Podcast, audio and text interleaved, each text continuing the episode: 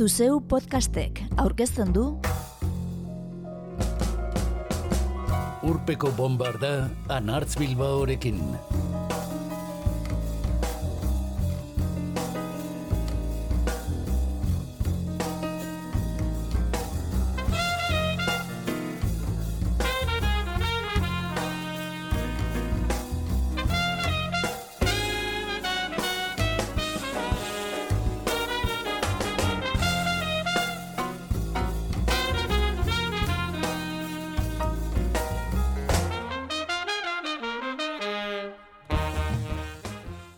Iruditzen zait jendaurrean barren akusteko adorea falta izan zaiola euskal musikari.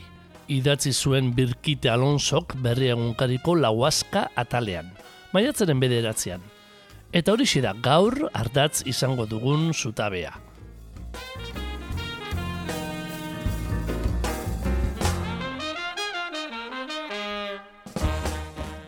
Urpeko bombardan, Birkit bera esezik, Cat Power, Anari, The New Raymond, Zara, McEnroe, Nirvana eta Inaut Elorrieta ere entzungo ditugu gaur. Honegin.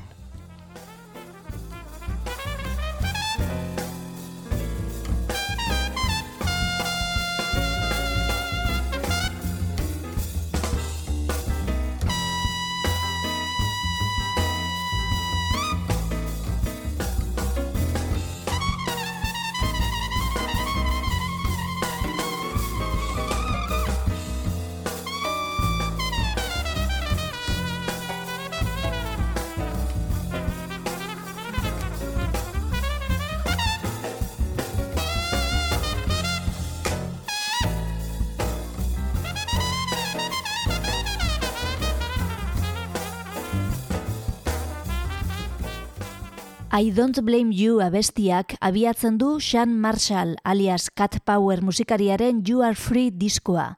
Eta bertan, katarsi batetik ies egin duenari ez dizu terrurik botako errepikatzen dio.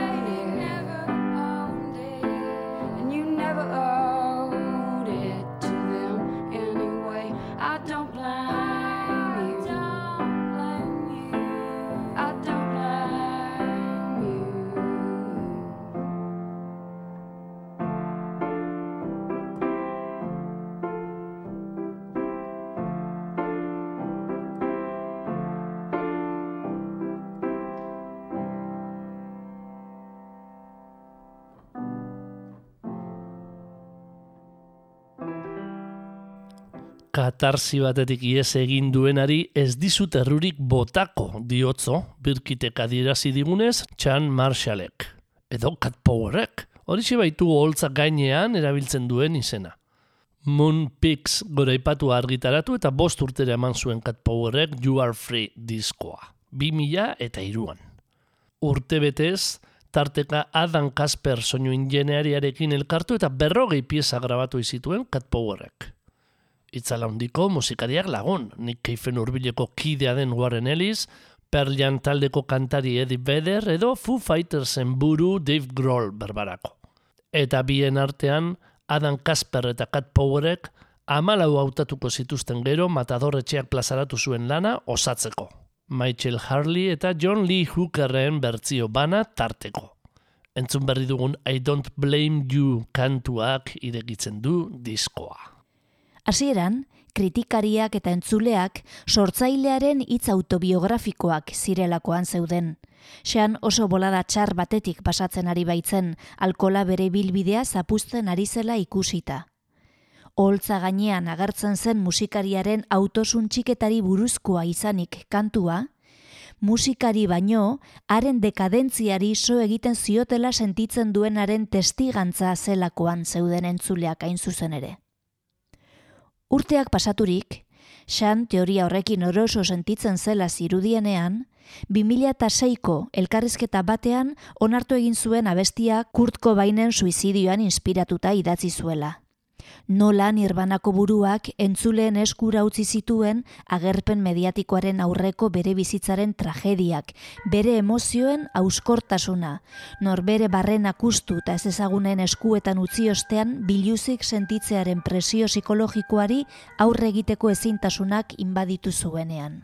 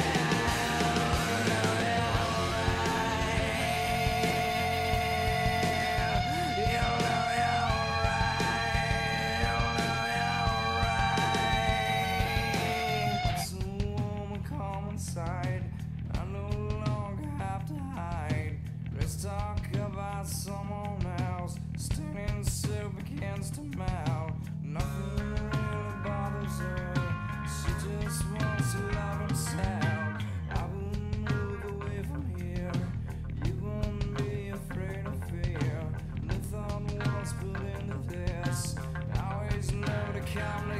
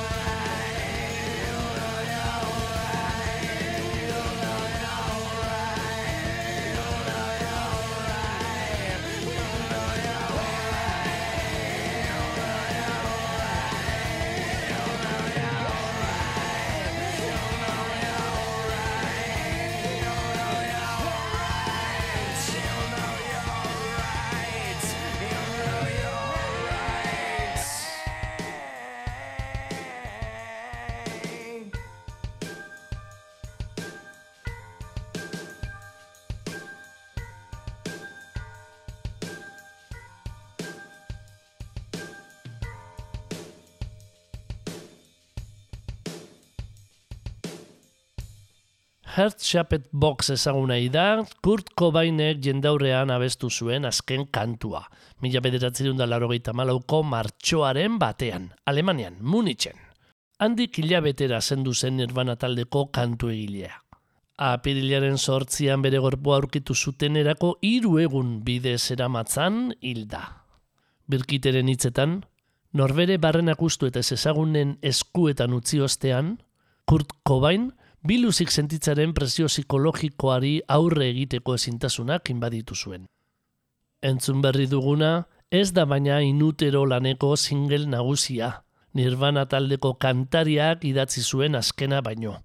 You know you are right. Iruditzen zait jendaurrean barrenak usteko adorea falta izan zaiola euskal musikariari. Hobe esan da, ez du modu esplizitu batean egiteko asmorik izan. Asetzeraino entzun dugu gure egoera soziopolitikoak ekarri duen saminaren kesua abestietan, hitz argitan eta mezu doktrinaletan barneratu dugu min eta morru horren ustea.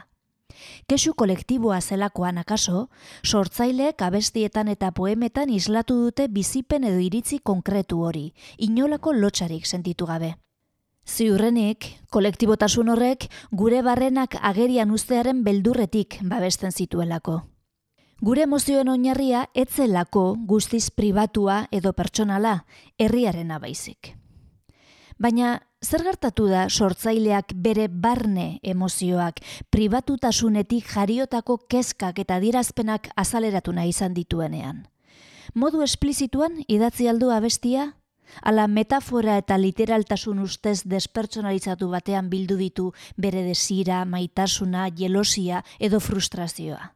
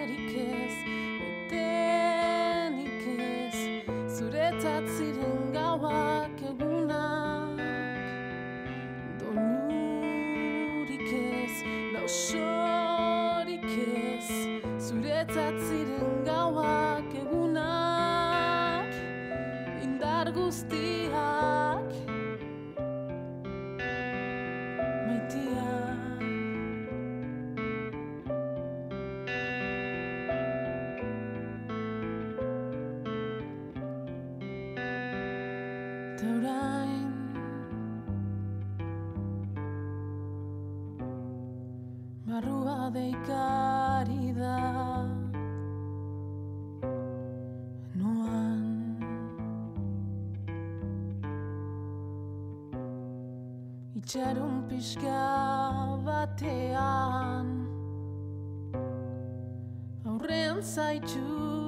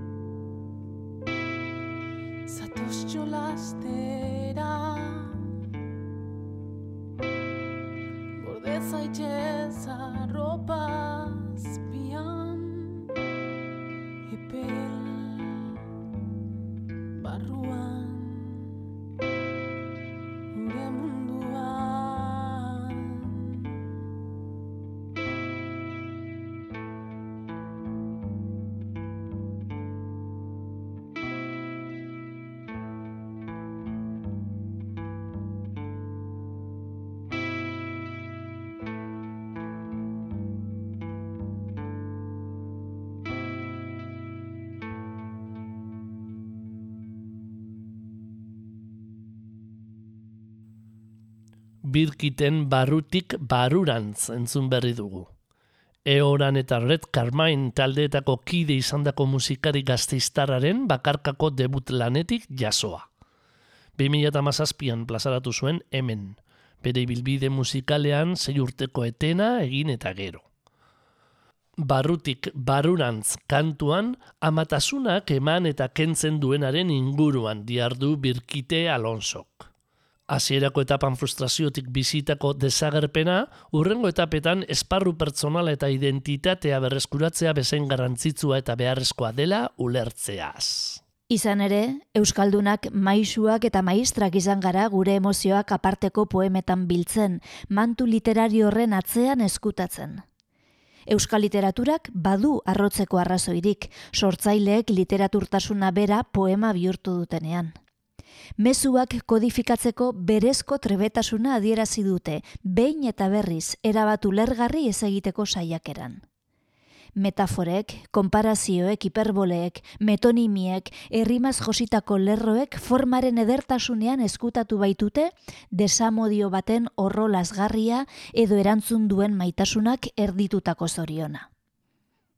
Agian, esparru txiki honetan, maiteminduaren bihotza jendaurrean irekitzeak barrura bueltan ekar lezakeen otzikaratik babesteko asmoz, horregatik ez da emozioa bera modu esplizituan abestu. Agian hortxe moztu da entzulearen eta sortzailearen arteko aria gardentasunean identifikatuta sentitzean, lotura hori gabe abesti bati konektatuta guztiz sentitu ez garenean. Hori lortu dutenen salbuespen gutxi datozkit burura, poesia hutsak aria estuki josi duenaren izenik aipatzekotan. Anari esaterako.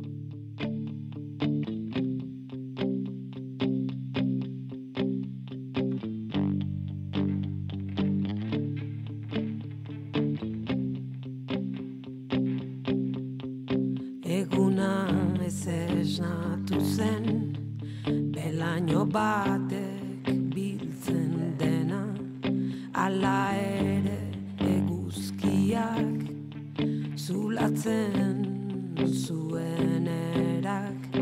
Beste egun sarkori bat ira gartzen zuen.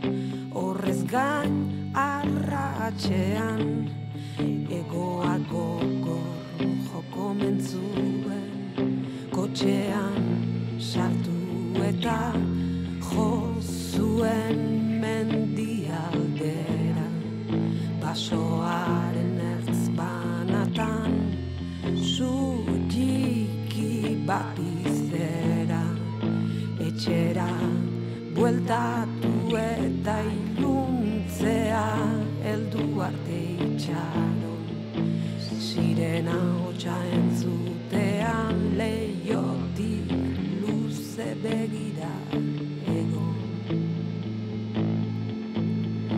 eta zuk ulertzen duzu zeure burua ikusten duzu. Basoa maite duzuneran sua ere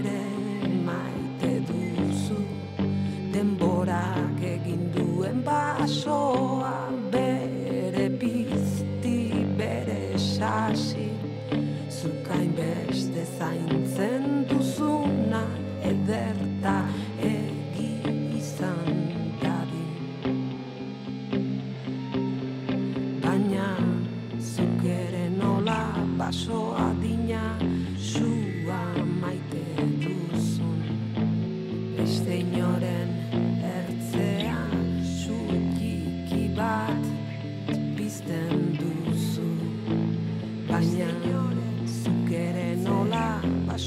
adina sua maite duzu.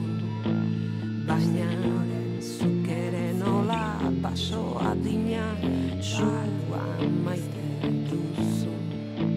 Baina zuk ere nola baso adina sua maite duzu.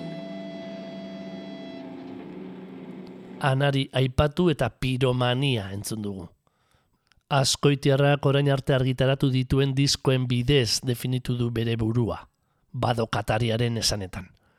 Eta zure aurrekari penalak lan luzearen osteko epean 2008ko epilogo bat lanean gorde zuen piromania.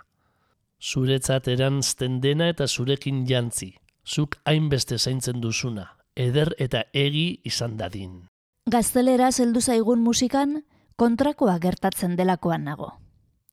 Badira literaturaz baliatu diren sortzaileak, baina oroar esango nuke Espainiako sortzaile independenten abestien hitzak, hau da mainstreamaren estandarizazioan erori hoi ez direnenak, askoz ere esplizituagoak izan direla.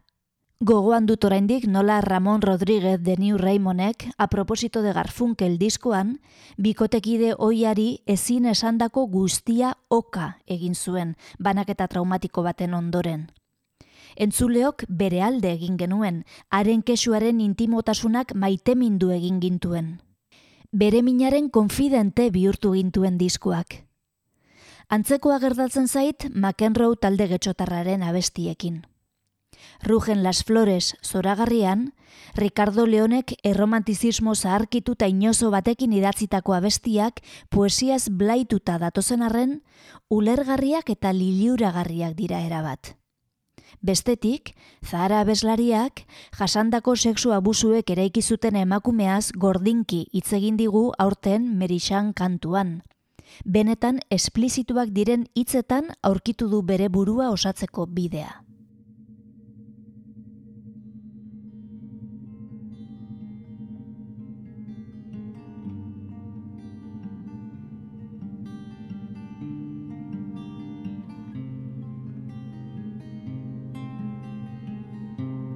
Parte de mí que solamente es agua vuelve a hervir cuando cruzas tu mirada y vuelvo a sentir ese miedo a no sentir nada y nunca jamás encontrar quien me alumbre y me haga temblar.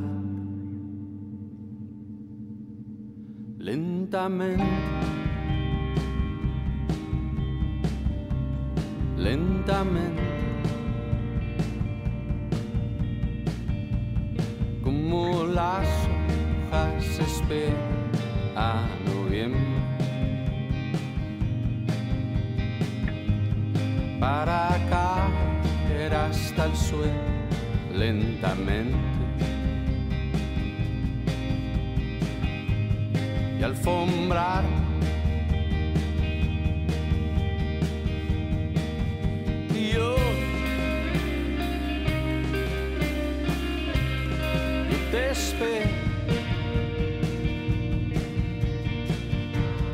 como esperan las ballenas, las corrientes para llegar hasta aguas más calientes. y abrazarse.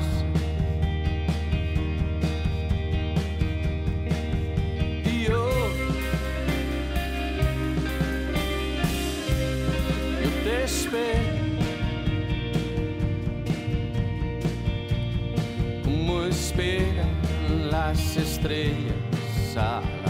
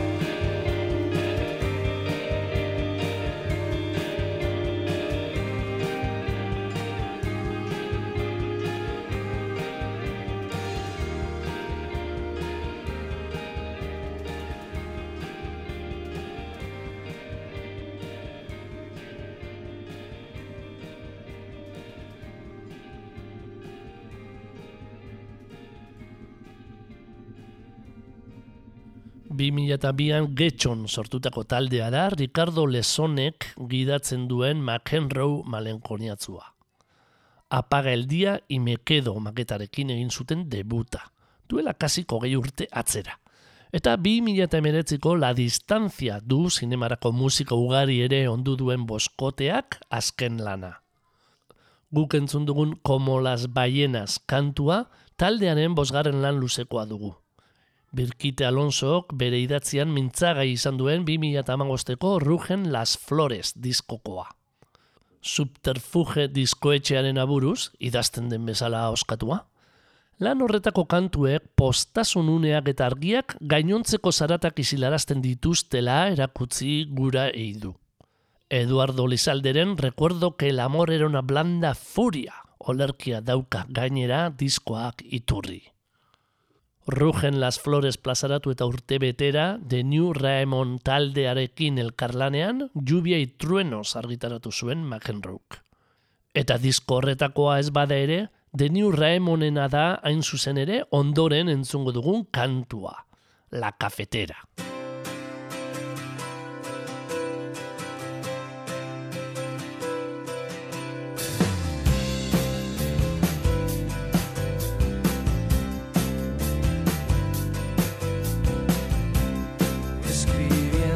said.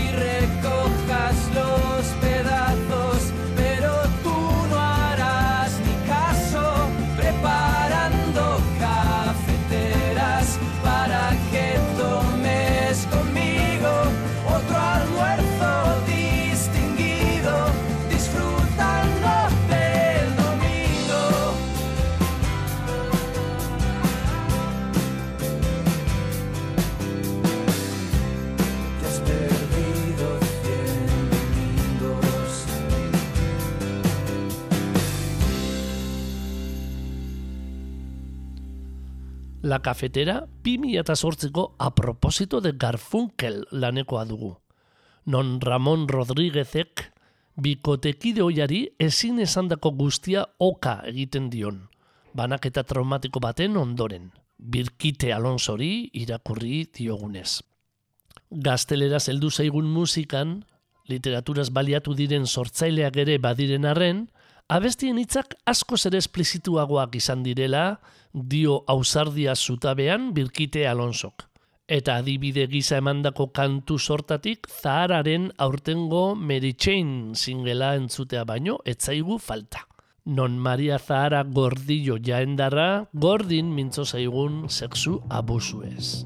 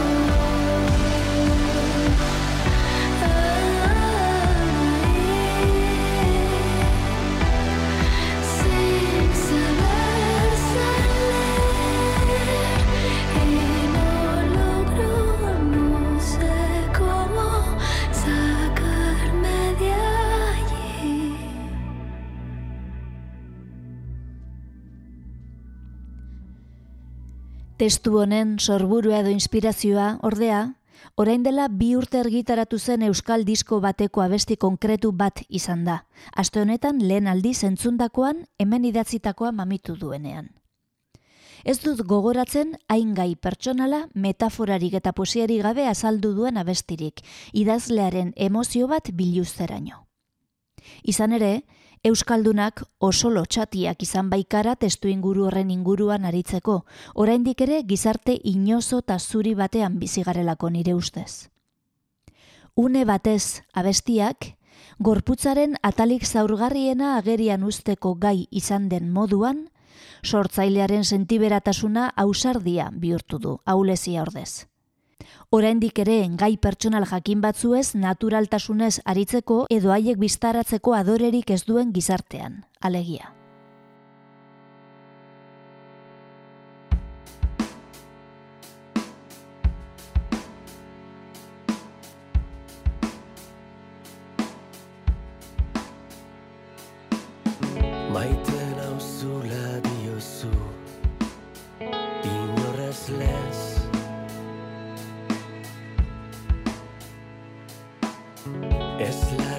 Larritzeko mesedez Ume batez Den dena une batez Utziko nuke ainerrez. Zuk begiratzeagatik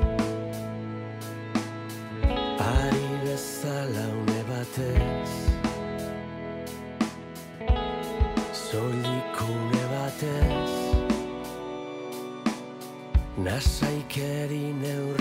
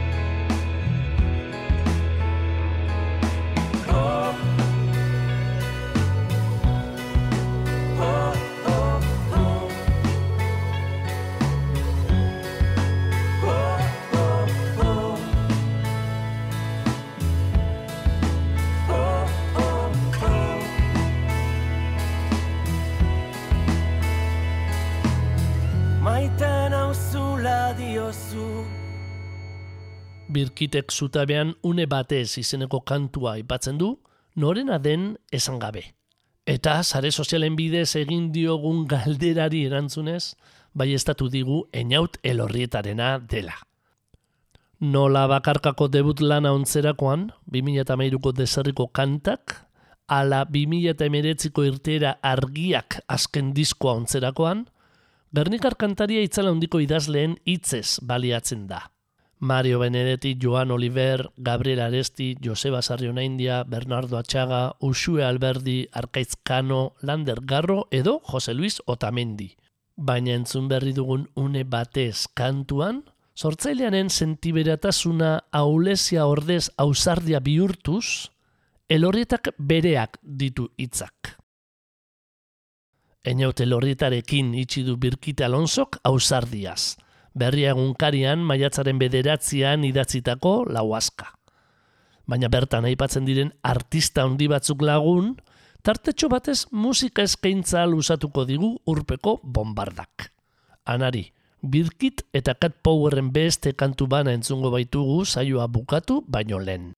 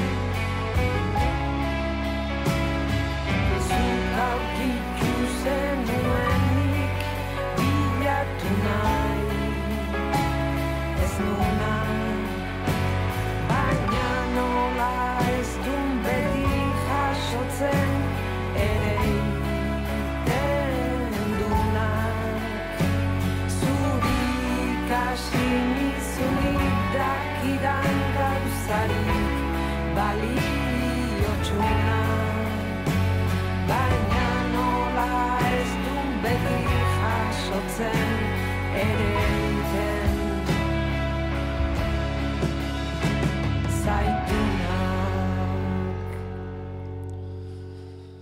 Anari Alberdik, lehen aipagai izan dugun epilogo bat epea geroztik, split album bat plazaratu zuen talia zedek musikari estatu batuarrarekin batera. Pandemia baino lehen eta oi bezala bide utz zigiluan. Baina azken lan luzea, 2008ko zure aurrekari penalak laudoriatua du. Eta bertatik jaso dugu nola galdu. Eta orain zaintzen zaitut urrunetik begira. Ni lehorrak itotzen hau, tazu berriz urak dioena. Bukaeratik hurbil eta gaur ardatz bere ausnarketa izan dugunez, birkit entzungo dugu berriro.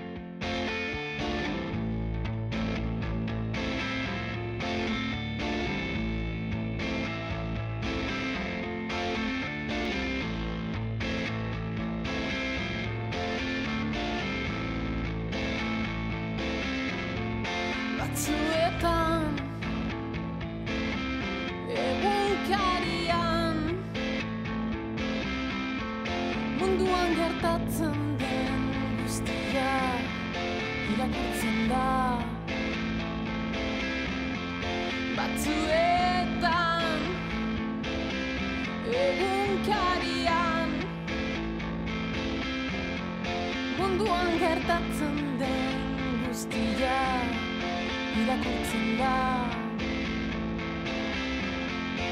irakurtzen da